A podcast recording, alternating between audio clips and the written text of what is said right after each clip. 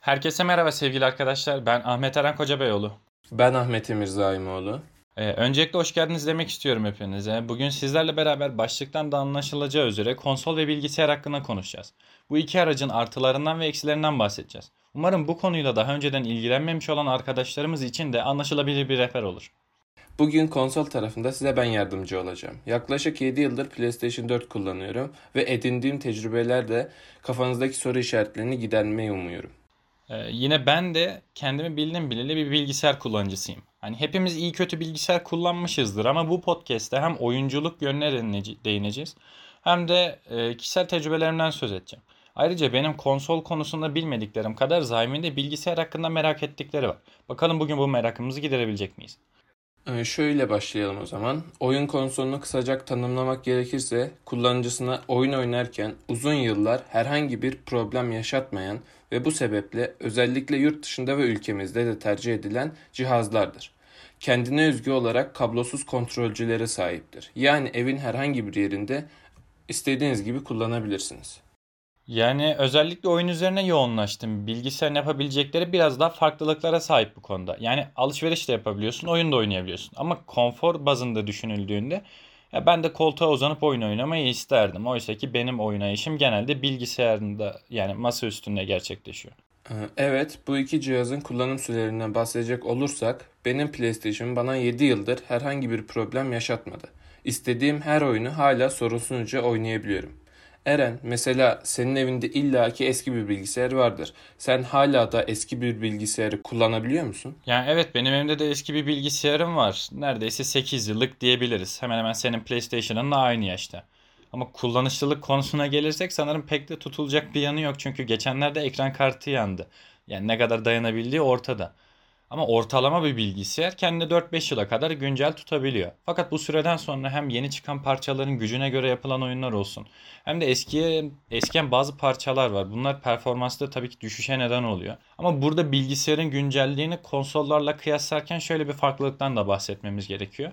Bilgisayar parçaları ayrı ayrı yükseltilebilir olduklarından ortalama 2 senede bir yeni bir çıkan ekran kartı ile ya da işlemciyle sistemini en yeni donanım haline getirebiliyorsun. Yani güncelliğini sen sağlıyorsun aslında bunu. Zaten ben bir konsol oyuncusu olmak istiyorum mesela. Ne yapmam gerekiyor? Yani en basitinden bir televizyonum olması gerekiyor. Benim eski bir televizyonum var evimde. Bu televizyon benim işimi görür mü? Ya şöyle söyleyeyim. Eğer konsol oyuncusu olmak istiyorsan iki seçenek bulunuyor önünde. Bunların bir tanesi benim de kullandığım PlayStation. Diğeri de Xbox. Eğer evindeki televizyon ya da monitör e, genel olarak işini görebilecekse yani 1080p çözünürlükte bir görüntü veriyorsa sana bu senin işini gayet iyi görür. Fakat yeni nesil konsollar 4K çözünürlükte de akıcı oyun oynatabilecek güçteler. Yani 4K bir monitör ya da televizyonun olması konsoldan daha çok verim almanı sağlayacaktır senin. Anladım. Mesela bilgisayarlarda böyle bir kısıtlama yok. Çünkü FPS olayı tamamen bilgisayarının verebildiği güce bağlı. Yani herhangi bir alt ya da üst limiti yok. O yüzden çok iyi bir bilgisayar almış olsan da yine 1080p bir monitörde kullanabilirsin. Hatta 2K ve 4K son dönemde Nvidia'nın çıkarmış olduğu bir e, ekran kartı var RTX 3090 diye. Bu kart 8K oyunculuğa bile imkan tanıyor. Yani bilmiyorum ikimiz de herhangi bir 8K ekran görebildik mi ama bu olanaklar artık sağlanıyor. Ve buradaki çözünürlük tercihi yani senin bilgisayarın gücü ve bütçen etrafında şekilleniyor. Yani senin tercihine bağlı. Ee, bir performans kısıtlaması olmadığından bahsettin. Mesela ben şu anda inşaat mühendisliği okuyorum ve bir sonraki dönem bilgisayar destekli teknik resim dersim olacak. Ve ilerleyen dönemlerde de bilgisayara olan ihtiyacım artacak. Sence ben bir masaüstü bilgi bilgisayar tercih etmeliyim yoksa laptop mı? Yani hangi çeşit bilgisayar alman gerektiği senin yaşam stilinle ilgili bir konu. Örneğin mesela seni ele alalım. Sen şehir dışında yaşayan bir öğrencisin ve yine ilerleyen dönemlerde bilgisayarını farklı mekanlarda kullanman gerekebilir. Hani bu açıdan laptop almak senin için daha doğru bir tercih olacaktır. Fakat hem aynı özelliklerde daha pahalı oluyorlar hem de parça değişikliğine pek elverişli değiller. Yani burada biraz senin bütçen önemli. Fakat masaüstü bilgisayarlarsa taşınamaz boyut ve ağırlıktalar. Ama bunun yanında hem hesaplı hem de donanımsal değişikliklere açık oluyorlar. Yani tamamen bilgisayar değiştirmeden de imkan buldukça güncelleyebilirsin sistemini. Yani burada önemli olan senin işini hangisinin göreceği ve senin ne istediğinle alakalı. Bir de masaüstü almanın getirdiği zorunlu ihtiyaçlar da var. Bunlar klavye, mouse, monitör, kulaklık da var. Hani laptoplar bu donanımların hepsine kendi bünyesinde az çok sahipler. Fakat monitörleri biraz daha küçük boyutlarda. Fareler de şu touchpad şeklinde olduklarından hem oyun tarafında hem de genel kullanımda pek elverişli değiller. Yani umarım hangi çeşit alman gerektiğini anlamışsındır. O zaman ben de şöyle bir şey merak ediyorum. Mesela bir PlayStation almak istesem benim ne kadar işimi görür? Yani ne oynayabilirim ya da oyun haricinde mesela başka bir şey sunuyor mu bana? Yani şöyle PlayStation tamamen oyun için üretilmiş bir cihaz. Yani oyun haricinde çok bir beklentin olmasın. Hatta hiç olmasın. Sadece ekstradan internette, YouTube'da, Netflix'te falan takılabilirsin. Ama oyun tarafında çok güzel şeyler mevcut. Örneğin bilgisayarda oynayabileceğin bütün oyunları oynayabilirsin. Hatta bilgisayarda oynayamayacağın God of War, Spider-Man gibi popüler yapım oyunları da oynayabilirsin. Anladım. Bu peki bu bahsettiğim PlayStation'a özel oyunlar konsoluna da hediye olarak veriliyor mu yoksa benim mi satın almam gerekiyor? Ya tabii e, yanında oyun hediyesiyle birlikte verilen konsol paketleri de var. E, fakat bunların haricinde oynayacağın her oyunu bilgisayardaki gibi yine belli ücret ödeyerek alıyorsun. Hmm. Yani PlayStation özel oyunlardan bahsediyorsun ama piyasadaki oyunların neredeyse tamamını ikimiz de erişebiliyoruz. Peki fiyat konusunda benimle aynı miktarda mı para harcaman gerekiyor? Mesela FIFA 21'i alalım. Daha geçenlerde çıkmış bir oyun. Hani ben bugün satın almak istesem şu an 550 TL civarında bir fiyat ödemem gerekiyor. PlayStation'da da almak istediğimde aynı parayı mı ödeyeceğim? Ee, Hayır, PlayStation'da fiyatlar daha pahalı birazcık da bilgisayara göre şu şekilde. FIFA 21 şu anda dijital olarak satın alırsan 600 TL, CD'li bir şekilde satın alırsan 700 TL. Bir dakika, iki farklı fiyat verdin. Yani madem CD'li versiyon daha pahalı, aynı oyunu satın almayacak mıyım? Gider daha ucuz olanı alırım. Yani CD'nin pahalı olmasının bir sebebi mi var? Ya şöyle CD'nin iki büyük avantajı var bence. Bunların bir tanesi hem oyundan sıkıldığın zaman oyunu satabiliyorsun. Yani ikinci el de mevcut ve konsolda daha az yer kaplıyor. Yani daha az yer kaplıyor dedin. Konsolun kendisi depolamada yetersiz mi kalıyor? PlayStation 5'in kullanılabilen hafızası 667 GB ve bu bu da özellikle son dönemde çıkan yüksek boyutlara sahip oyunlar için yetersiz kalabilir. Örneğin GTA 5 bile boyutu kendi başına 100 GB'dan daha büyük. Ama PlayStation bu depolama alanını artırma imkanı bize sunuyor. E- eğer hafızası yetmezse M.2 SSD'lerle takviye yapabilirsin. Şimdi oyun fiyatları hali hazırda zaten pahalı. E, PlayStation oyunları da bilgisayar oyunlarına göre daha pahalı. Malum Türkiye'de herkesin oyunlara bu miktarda para ödeyecek durumu yok. Yani daha ucuza alıp oynayabileceğimiz bir sistem mevcut mu? Mesela bilgisayarda Microsoft'un Xbox Game Pass adıyla sunduğu bir sistem var. Yani bu sistem yine konsolunda da mevcut olan bir sistem. Bu sistem abonelik üzerinden işliyor ve her ay güncellenen bir kütüphanesi var. Abone olduğun süre boyunca da bu kütüphanedeki oyunların hepsini oynayabiliyorsun. Hani tüm oyunlar yok ama her ay güzel oyunlar eklenebiliyor. Örneğin geçen aylarda Red Dead Redemption 2 Game Pass'te vardı ve bunun gibi onlarca diğer oyunu aylık 30 TL karşılığında oynayabiliyorum. Peki PlayStation'ın bu tarzda bir pass sistemi var mı? Varsa neler sunuyor? Evet maalesef oyunlar senin de dediğin gibi pahalı ve bu konuda yapabileceğimiz bir şey yok. PlayStation'da da PlayStation Plus adında bir PES sistemi var. Yine benzer şekilde senin dediğin gibi her ay bazı oyunlar PlayStation Plus abonelerine sunuluyor. Üyelik fiyatlarından bahsedecek olursak da 1 aylık 40, 3 aylık 100, yıllık 240 TL ödemen gerekiyor. Yani ne kadar uzun bir üyelik o kadar indirim sağlıyor sana. Evet, sadede gelmek gerekirse bütün bu imkanlar oyunlar iyi hoş ama ekonominin durumu belli ve bu ürünler yurt dışında üretiliyor. Yani doğal olarak yurt dışında her ne kadar bir asgari ücretle çok rahat alınabilseler de burada çok pahalı oluyorlar. Ülkemizin gerçeklerini konuşma zamanı geldi. Yani bir PlayStation 5 alıp kullanmak için ortalama ne kadar ödemem gerekiyor? Şöyle PlayStation 5'in resmi Türkiye fiyatı 8300 TL ama şu, an stoklarda bulunmuyor. Ocak ayında hem PlayStation 5 stokları yenilenecek hem de PlayStation 5'in daha ucuz tanıtılan dijital versiyonu gelecek. Ama fiyatı kesin değil şu anda. Şu anda stok olmadığı için ikinci el satış sayfalarında 12.000, 13.000 gibi uçuk fiyatlara satılıyor.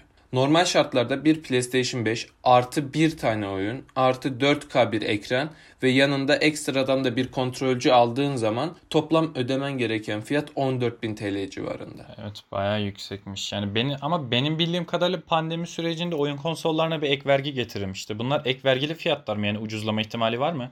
Ee, Şöyle doğru duymuşsun. Ek vergi var şu an konsollar üstünde. Bu ek vergi %50 ek vergi.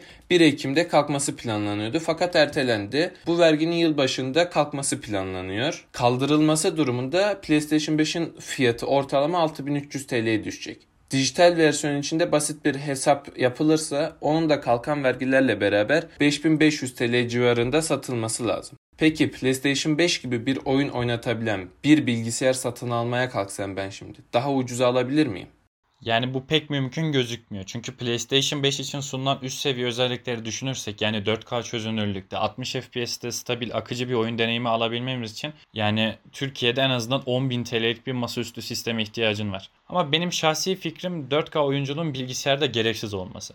Yani bunun sebebi ise malum dünya çapında özellikle rekabet arenasında çokça ismi anılan ve çokça oynanan CSGO, LoL, Dota, PUBG gibi oyunların bilgisayarda da oynanması hani önemli bu konuda. Çünkü bu oyunlar yüksek rekabetle oynanması için yüksek yenileme oranlarına ihtiyaç duyuluyor. Yani oyununun daha akıcı olması lazım.